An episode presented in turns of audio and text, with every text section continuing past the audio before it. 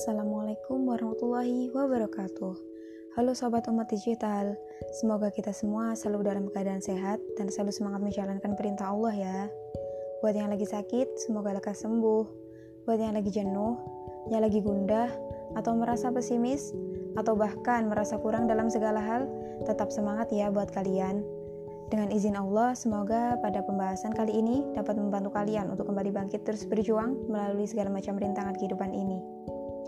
Oh iya sobat umat, sebenarnya kita boleh loh mengalu. Eits, menghalu yang bagaimana nih? Menghalu di sini maksudnya menghalu kepada Allah ya.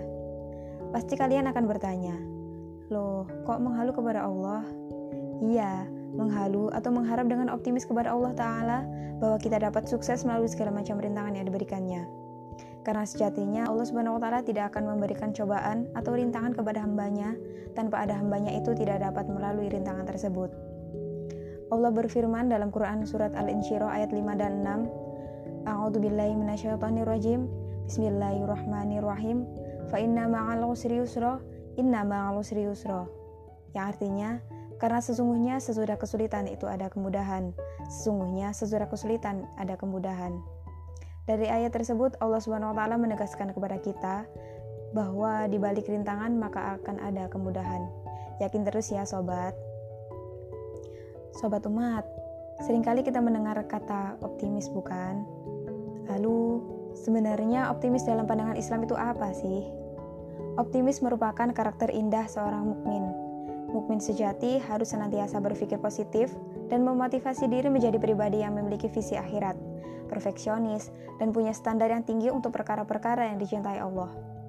Karena dengan sikap itu akan membantu dirinya untuk terus berkarya meraih kesuksesan yang ada di hadapannya. Seseorang yang dalam dirinya terdapat sikap optimis akan mempunyai harapan tinggi untuk meraih masa depan indah yang lebih baik dari sebelumnya. Nabi Shallallahu Alaihi Wasallam bersabda, bersemangatlah atas hal-hal yang bermanfaat bagimu dan minta tolonglah kepada Allah dan jangan kau lemah. Hadis riwayat Muslim. Dari hadis tersebut diketahui bahwa kita tidak boleh lemah dan menyerap begitu saja pada impian yang ingin kita capai, serta pada prinsipnya Sikap pesimistis merupakan halangan utama bagi seseorang untuk meraih kesuksesan.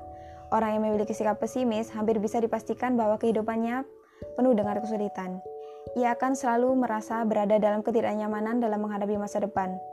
Dan sikap inilah yang sangat dibenci Allah. Na'udzubillah min talik. Optimisme hingga kapan pun sangat diperlukan dalam kehidupan kita sehari-hari ya. Guna mencapai sebuah kesuksesan dan keberhasilan dalam hidup di dunia dan di akhirat kelak.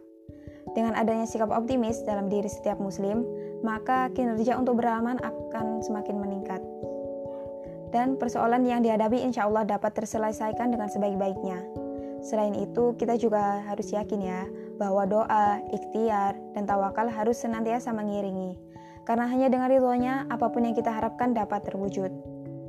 Nah, sobat umat digital, tetap semangat ya dalam melalui segala macam rintangan di dunia ini, Selangkah demi selangkah, semoga kita dapat meraih kesuksesan di dunia maupun di akhirat nanti. Amin. Sekian pembahasan kali ini. Tetap semangat dan sampai jumpa di lain pembahasan. Wassalamualaikum warahmatullahi wabarakatuh.